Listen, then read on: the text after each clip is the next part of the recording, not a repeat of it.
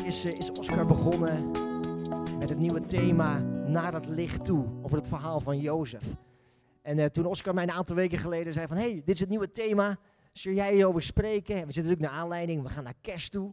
En dat is een mooi thema, Naar het licht toe. En ik dacht, oh wat leuk, we gaan het kerstverhaal belichten vanuit het oogpunt van Jozef van Maria.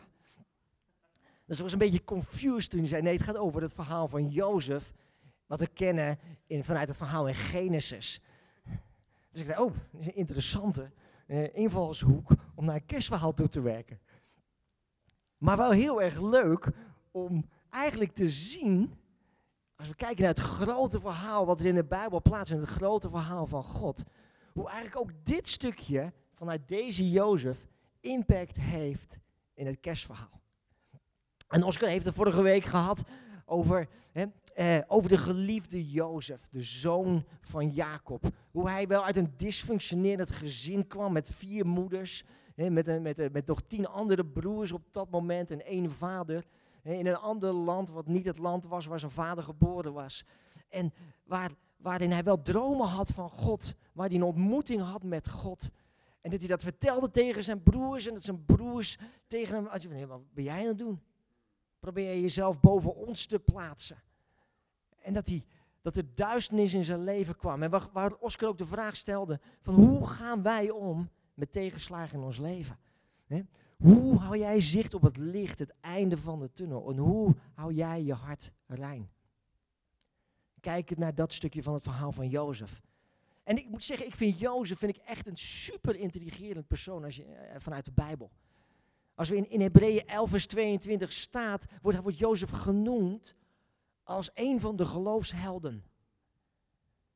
En staat vanuit, jou, vanuit zijn geloof, zei hij aan zijn einde van het leven, van zijn leven, wanneer jullie uit het, uit het land Egypte wegtrekken, neem mijn benen mee, neem mijn botten mee naar het land wat God gegeven heeft. Als een van de geloofshelden, waarin Abel, Henoch, Abraham, Isaac en Jacob genoemd werden voor hem en na hem, nog Mozes en vele andere geloofshelden. Wordt hij genoemd als een van de geloofshelden. En als je kijkt naar het verhaal van Abraham, dan zie je dat Abraham had een ontmoeting met God. Hij werd geroepen en hij kreeg een belofte mee. Hij zegt, vanuit jou Abraham zal er een groot volk ontstaan. En ik zal jou zegenen en door jou heen zal ik andere mensen zegenen. Waar Isaac een ontmoeting had bij, met God bij Gerar. Waarin hij dezelfde belofte kreeg. Vanuit jou zal een natie gaan ontstaan, een volk zal gaan ontstaan. En zijn vader Isaac had een ontmoeting bij Bethel. Waarin hetzelfde gebeurde. We lezen alleen nergens in de Bijbel dat Jozef een ontmoeting had zoals zijn vader, zoals zijn opa en zijn overgrootopa hadden. Jozef had een andere ontmoeting door middel van de dromen heen. En ik, en ik kan me voorstellen, want in die tijd werden de verhalen niet opgeschreven, maar werden verhalen doorverteld. En dat is wat er ook gebeurde bij Jozef. En ik kan me zo voorstellen dat op een gegeven moment Jozef aan zijn vader vroeg aan, Abba, kunt u mij nog eens een mooi verhaal vertellen van vroeger? Van uzelf of van, van opa of van overgrote opa. Dat is een mooi rijtje als je dat hebt, hè? Zijn opa en zijn overgrote opa Abraham, Isaac en Jacob. En dat zijn vader dan Jacob dacht, nou, ja, ik weet nog wel een mooi verhaal. Weet je, laat ik eens beginnen bij, bij je overgrote opa, bij Abraham. En Abraham die kreeg, hè, die had een ontmoeting met God. Jouw overgrote opa Abraham. En God ontmoette hem en zegt, ik, ik geef jou deze belofte. Ik ga vanuit jou een groot volk maken. En, en vanuit dat, die belofte, kreeg Abraham, die kreeg Isaac als zoon. Ja, ik weet nog wel een heel ander mooi verhaal over Isaac. Zegt zijn vader Jacob. Hij zegt, er was een moment dat zijn vader Abraham zegt, weet je wat, ik neem je mee, we gaan op reis en, en, en we gaan God offeren. En dat Isaac dacht, oh, ik mag met mijn vader mee om God te gaan offeren. En dat Abraham tegen zijn zoon zei, kom, neem dit hout mee. We gaan op een lange reis, we gaan offeren. En ze gaan op reis en Isaac vertelt dat, of Jacob vertelt dat dan weer aan, aan Jozef. Ze gaan op reis en ze wandelen. En, en dat jouw opa Isaac misschien wat denkt, maar wacht even, wat gaan we eigenlijk offeren? Want we hebben alleen maar hout bij ons mee. En, en toen op een gegeven moment kwamen ze op de plek waar ze gingen offeren. En dat, en dat je opa Isaac vroeg, zei tegen zijn vader, Abraham, ja, maar wat gaan we dan offeren? We hebben helemaal geen dier bij ons.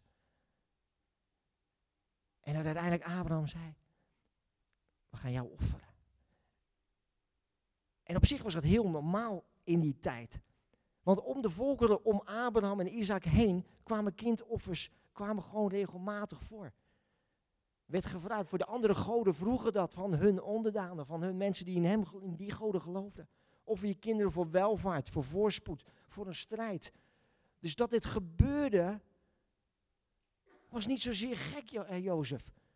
Maar dit is wat iets wat vaker voorkomt in deze tijd. Maar toen Jozef, toen gebeurde er wat heel erg bijzonders. Op het moment dat Abraham Isaac wilde gaan, gaan offeren, toen kwam er een engel. Toen kwam er een engel Jozef. En toen hield die engel hield Abraham tegen. En die zei, dankjewel voor je gehoorzaamheid. Maar stop, deze zoon, jouw zoon Isaac moet blijven leven.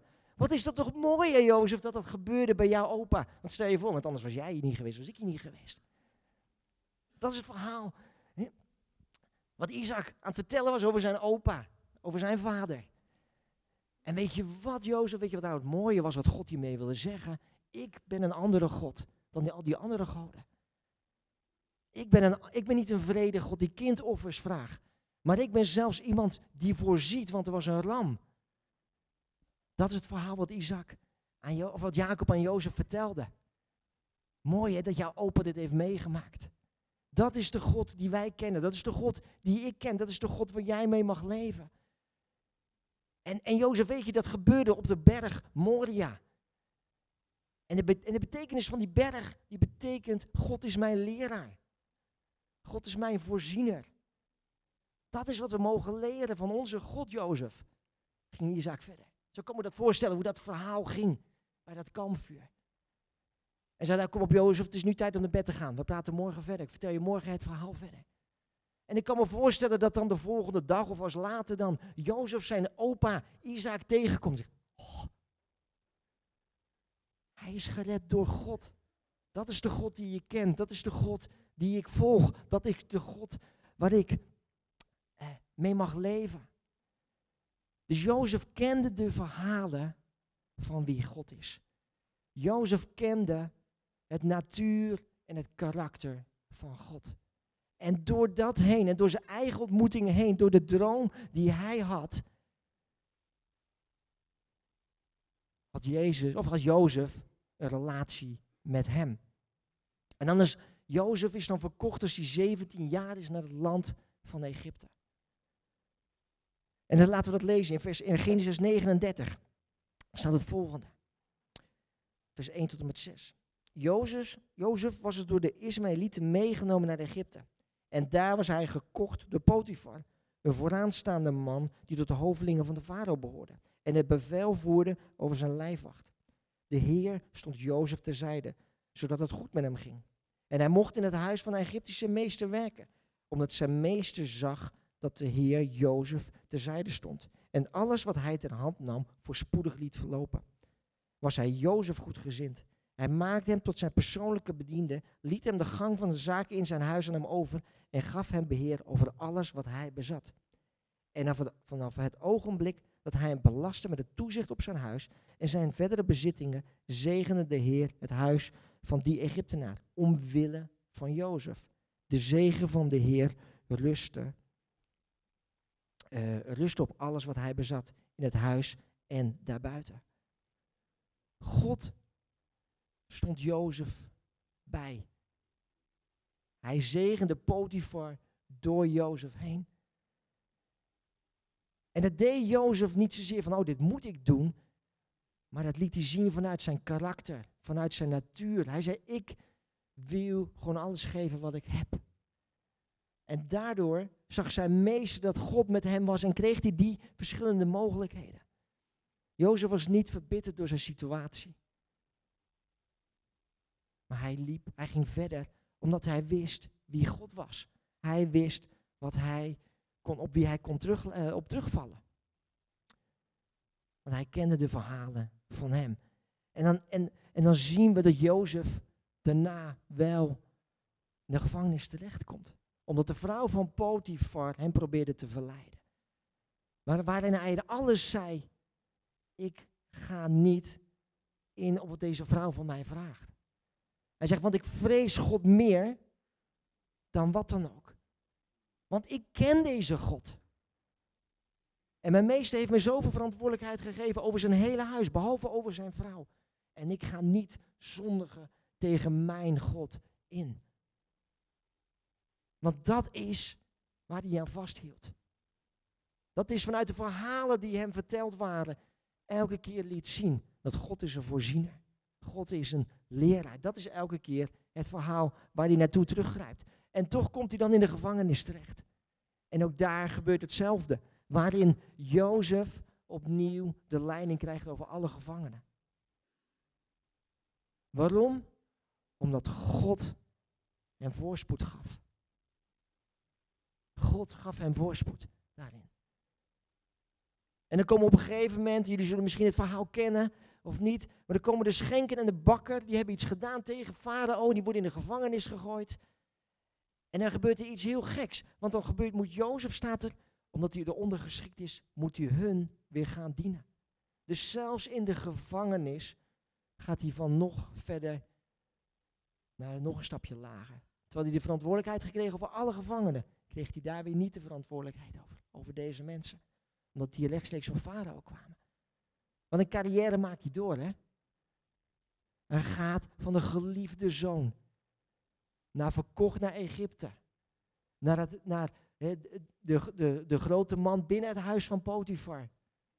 Dus daar ging weer de lijn ging weer omhoog. Maar uiteindelijk in de gevangenis terechtgekomen. De lijn ging weer omlaag. En nog lager, waar hij daar andere mensen weer moest dienen. En toch verliest hij niet zijn hoop. Want op het moment dat, een, dat de schenker en de bakker een droom hebben, weet hij, ik heb God met mij. En, en, het, en het, was heel normaal dat de dromen uitleggers waren. Dus het was ook niet zo gek dat hij zei, wie, wie kan mij deze droom uitleggen? Vroegen de, de schenker en de bakker. En dan staat er dan op een gegeven moment dat hij de dromen uitlegt aan de schenker. En dan zegt hij tegen de schenker, je zult verheerlijkt en verhoogd worden. Je zult in ere hersteld worden.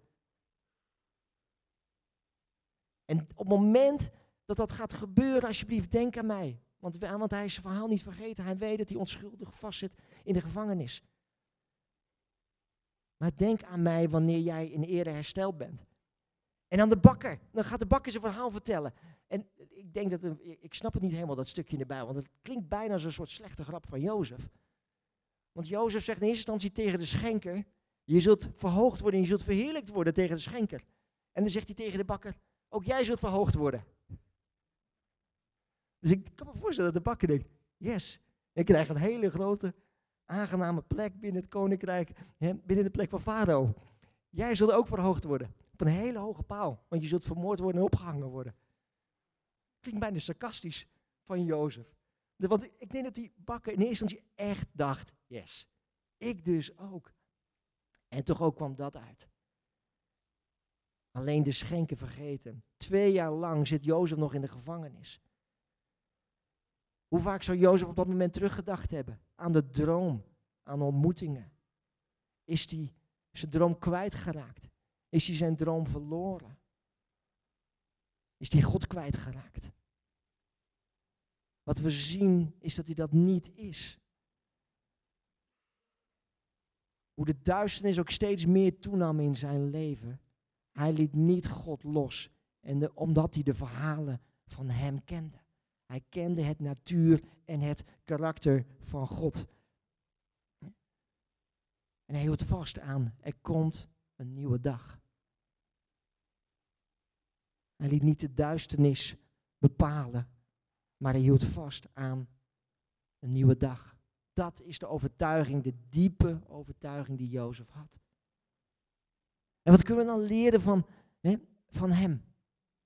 Dat hij niet verbitterd werd. Dat hij geen haat had tegenover God. Dat hij niet boos was op God.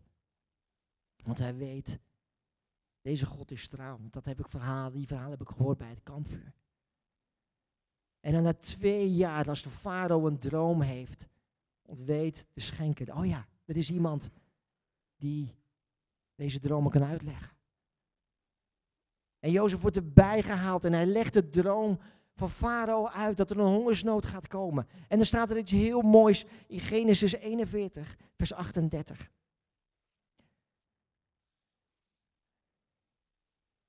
En dan heeft hij het uitgelegd. En dan zegt de farao, zouden we ooit iemand kunnen vinden als deze man? Iemand die zo vervuld is van Gods geest. En aangezien God u dit allemaal bekend heeft gemaakt, is er vast niemand die zo wijs is als u. Een farao die God niet kent, maar ziet, jij bent vervuld van Gods geest. En farao geeft hem een nieuwe naam. En die naam is Safanat Panayach. Safe, ik zal maar uitleggen. Safenat Paneach. Kun je opzoeken in de Bijbel. Dat is de, dat is de, de, de naam die farao aan hem geeft. En de betekenis van deze naam is levensbehouder. Hoe mooi is dat plaats in het grote verhaal van God. Levensbehouder. Farao, niet vervuld van God, kent God niet, heeft andere goden. Maar weet, Jozef is de levensbehouder van ons volk, Egypte. En dat is wat we mogen zien. Jozef dankte God. Hij zegt, het is niet mijn eer, maar het is wat God geeft. Jozef verwijst naar God. We zien ook in het leven van Jozef, in dit stukje, dat de, dat de verschillen tussen duisternis en licht zich steeds elkaar opvolgen. Jozef had geen makkelijk leven. Er was diepe duisternis in zijn leven. Verdriet, pijn, misschien wel angsten. Maar we zien uiteindelijk ook dat Jozef als tweede man van Egypte wordt neergezet. Hij wordt dus zelfs boven zijn meester Potifar geplaatst. Want dat was een onderdaan van de farao. Dus waar hij eerst als, als slaaf en als knecht was, was hij nu een grote heerser geworden. Maar zelfs Potifar was al eerder gewoon gezegend. Doordat Jozef in zijn huis aanwezig was. En wat kunnen wij nou voor onszelf leren als we naar dit verhaal kijken? Want ons leven hoeft niet altijd makkelijk te zijn. We kunnen ups en downs hebben. We kennen ze allemaal. Maar als we kijken naar het verhaal van Jozef, hoe Jozef ermee omging, kunnen wij, kunnen andere mensen dan zien dat ongeacht onze situatie, hoe wij omgaan met onze teleurstellingen, met onze pijn. En zien ze in eerste instantie ook dat wij God kennen. Zien anderen in jou dat jij God kent. Dat je zijn natuur en zijn karakter kent. Zijn wij in staat om Gods grootheid en Gods goedheid en Gods liefde te blijven zien in onze dieptepunten? Zijn we in staat om dat nog te blijven doen? Kunnen we dat? Zoals Jozef dat deed. Kunnen wij God als onze wijsheid zien? Zoals Farao dat tegen Jozef zei.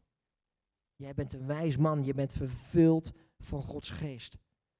Als wij zelf de antwoorden niet weten, durven wij naar God te kijken.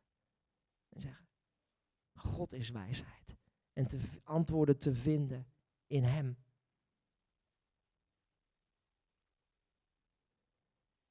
Eén ding is wat, we iets niet, wat wij niet mogen vergeten, is uiteindelijk om, om niet alleen naar Jozef verhaal te kijken. Of alleen naar ons verhaal te kijken. Maar naar het grote verhaal van wat God aan het doen is. Oscar noemde het vorige week al bij de roeping van Abraham. Dit is een onderdeel van het grote verlossingsplan van God. Want als we alleen maar naar ons eigen verhaal kijken of alleen maar naar het verhaal van Jozef, dan missen we het grote verhaal van wat God aan het doen is. Wanneer God Abraham riep in Genesis 12, een stukje daarna in Genesis 15, zegt God ook nog wel, oh ja, maar weet eventjes, het volk wat uit jou voort gaat komen, gaat wel 400 jaar in slavernij leven. Die gaat 400 jaar in slavernij leven, dus het wordt niet makkelijk. Het klinkt heel mooi. Ik ga vanuit jou een groot volk maken. En dat grote volk gaat heel slecht hebben. Zal moeilijkheden gaan ervaren.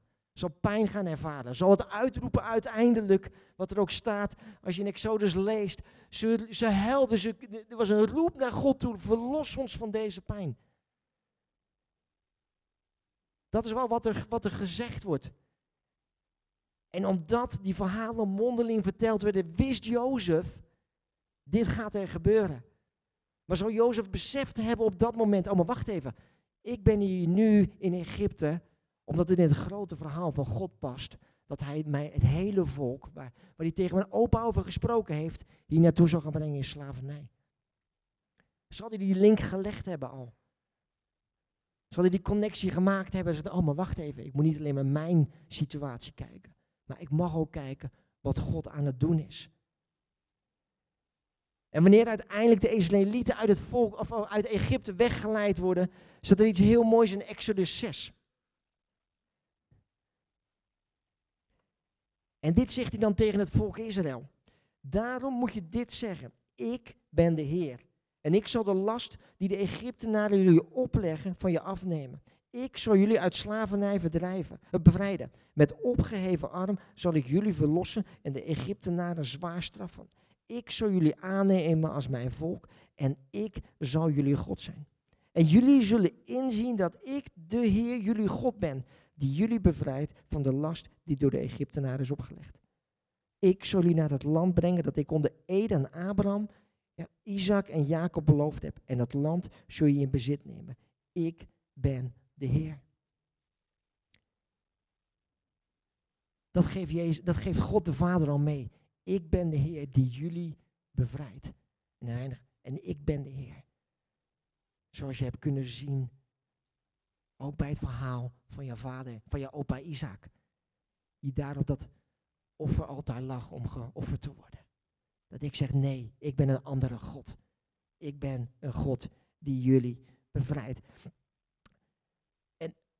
Uiteindelijk is Jozef in dat grote verhaal, in Psalm 105, vers 6 en 7 staat heel duidelijk dat, hij het volk naar slavernij gebracht heeft en, en dat er een hongersnood zal komen en dat hij Jozef als voorbode vooruitgestuurd heeft om het volk vrij te gaan zetten. Dat is wat er gebeurt bij het leven van Jozef. Dat is wat we vaak ook niet zien. Van hé, hey, als ik kijk naar mijn eigen leven, wat gebeurt hier nu? Welke impact heeft het voor in het grote verhaal wat God aan het doen is? Welke impact heeft het voor de mensen om mij heen? We moeten leren om ook niet alleen te kijken naar wat is mijn verhaal, maar wat is Gods verhaal. En wat we vaak proberen, of wat we vaak doen, is dat we God in ons verhaal proberen te passen. In ons dagelijks leven, oh ja, ik heb hier nog ruimte voor God. Van, oh ja, ik heb hier nu iets. Hoe past God hierin? Maar nee, we moeten het omdraaien. En zeggen, hoe pas ik in het verhaal van wat God aan het doen is? Dat is wat God ons door oproept. Dat is wat we mogen leren, ook door het verhaal van Jozef heen. Want wat Jozef niet wist, dat dit later over hem uitgesproken zou worden. Gezongen werd in een psalm. Hij, heeft, hij is door God vooruitgestuurd om ons te bevrijden uit hongersnood. En soms kijken alleen maar kijken naar hoe pas ik in het verhaal van God. Ja, dat kan misschien angstig zijn. Wanneer we kijken naar het verhaal van, van, van Jezus op een gegeven moment in de tuin van Gethsemane. Waarin hij wist, ik ga deze last dragen. Staat daar in, Matthä in Matthäus. In Matthäus 26, of sorry, uh, ja, Matthäus 26. Zegt hij op een gegeven moment, is hij aan het bidden Vader, als het mogelijk is, laat deze beker dan aan mij voorbij gaan. Maar laat niet gebeuren zoals ik het wil, maar zo als u het wilt. En dat bidt hij nog twee keer daarna uit. Dus Jezus wist wat er ging gebeuren. Want hij kende het grote verhaal van God. Maar in eerste instantie keek hij even naar zijn eigen verhaal. Vader, als het kan, wilt u alsjeblieft deze beker wegnemen. Wanneer we misschien ook wel een stukje angst van Jezus, want hij wist wat hij moest gaan dragen, welke last dat hij moest gaan dragen. Maar zeg, maar niet mijn wil, maar uw wil geschieden. Wat Jezus deed, is dat hij vertrouwen en geloof koos boven angst. Niet mijn wil, maar uw wil geschieden. Maar Jezus weet, er komt een nieuwe dag. Een dag van verlossing. Jozef kon vasthouden. Ik is nu in de duisternis, maar er komt een nieuwe dag. Een dag van licht. Een dag van verlossing. Kunnen wij dat ook? Kiezen wij vertrouwen en geloof boven onze eigen angsten?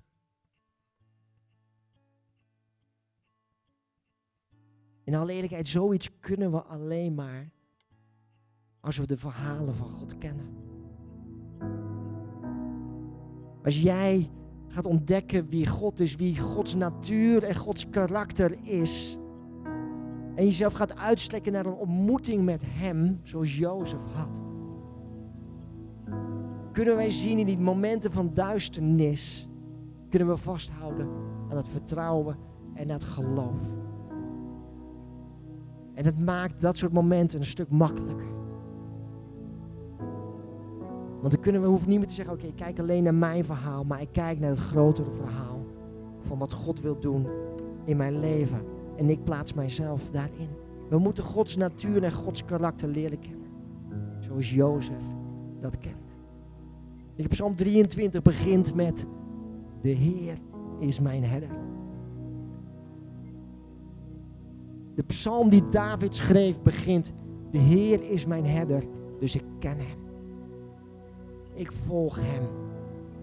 Dat is meer dan genoeg. Hem volgen. Hem vertrouwen. En nee, het leven is niet altijd makkelijk. Het is niet altijd licht. Het is niet altijd een opgaande lijn. Er zijn momenten van duisternis. Momenten van donker. Momenten van pijn, van verdriet, van angst. Hoe zou Isaac zich gevoeld hebben toen op het altaar lag? Er wordt niet over gesproken. Er wordt niet over geschreven in de Bijbel. Maar ik kan me voorstellen dat hij daar lag. Ik gehoorzaam aan wat mijn vader vraagt, want die zal het weten. Want dit was iets die God, want hij kende ook de verhalen die Abraham vertelde tegen Isaac. Dus dit is die God die beloftes geeft. Dus dit zal wel een reden hebben. Ik denk ook dat hij opgelucht was. Safe bij de bel. Ook Isaac had een ontmoeting met God. En dat zou hij nooit meer vergeten, dat moment. Strek je uit naar Gods natuur en Gods karakter. Niet mijn wil, maar uw wil geschieden. Dat is wat Jozef uitsprak. Vervuld met Gods geest. En dat is wat God wil zeggen ook. Wees vervuld met mijn geest. Wees vervuld met mijn geest. Want als je in de gevangenis zit, mijn geest is steeds daar. Je bent nog steeds vervuld met mijn geest. Dat is wat we mogen leren van dit stukje van het verhaal van Jozef. Bewegen naar het licht toe. Onszelf plaatsen in het verhaal van God. En vertrouwen en Hem zoeken om Zijn natuur en karakter te leren kennen. Misschien het lied wat we mee eindigden. Ja, als laatste nummer. What the enemy takes for evil, he will turn it to good. Misschien heeft Jozef het wel geschreven. Zou zo kunnen. Want het is een tekst wat zo bij zijn leven past. Dit is wat God doet. Laten we gaan staan.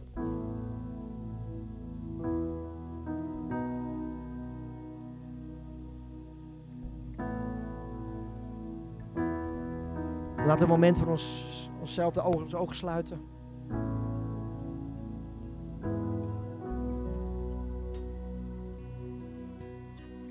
En een moment nemen om erover na te denken.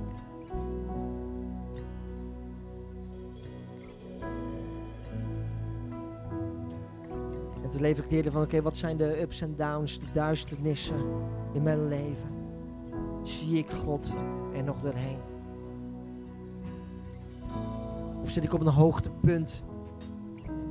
Een mooie fase in mijn leven. Ben ik dan niet op dat moment misschien wat te veel mezelf in het verhaal of mezelf uh, kijken hoe ik God in mijn verhaal kan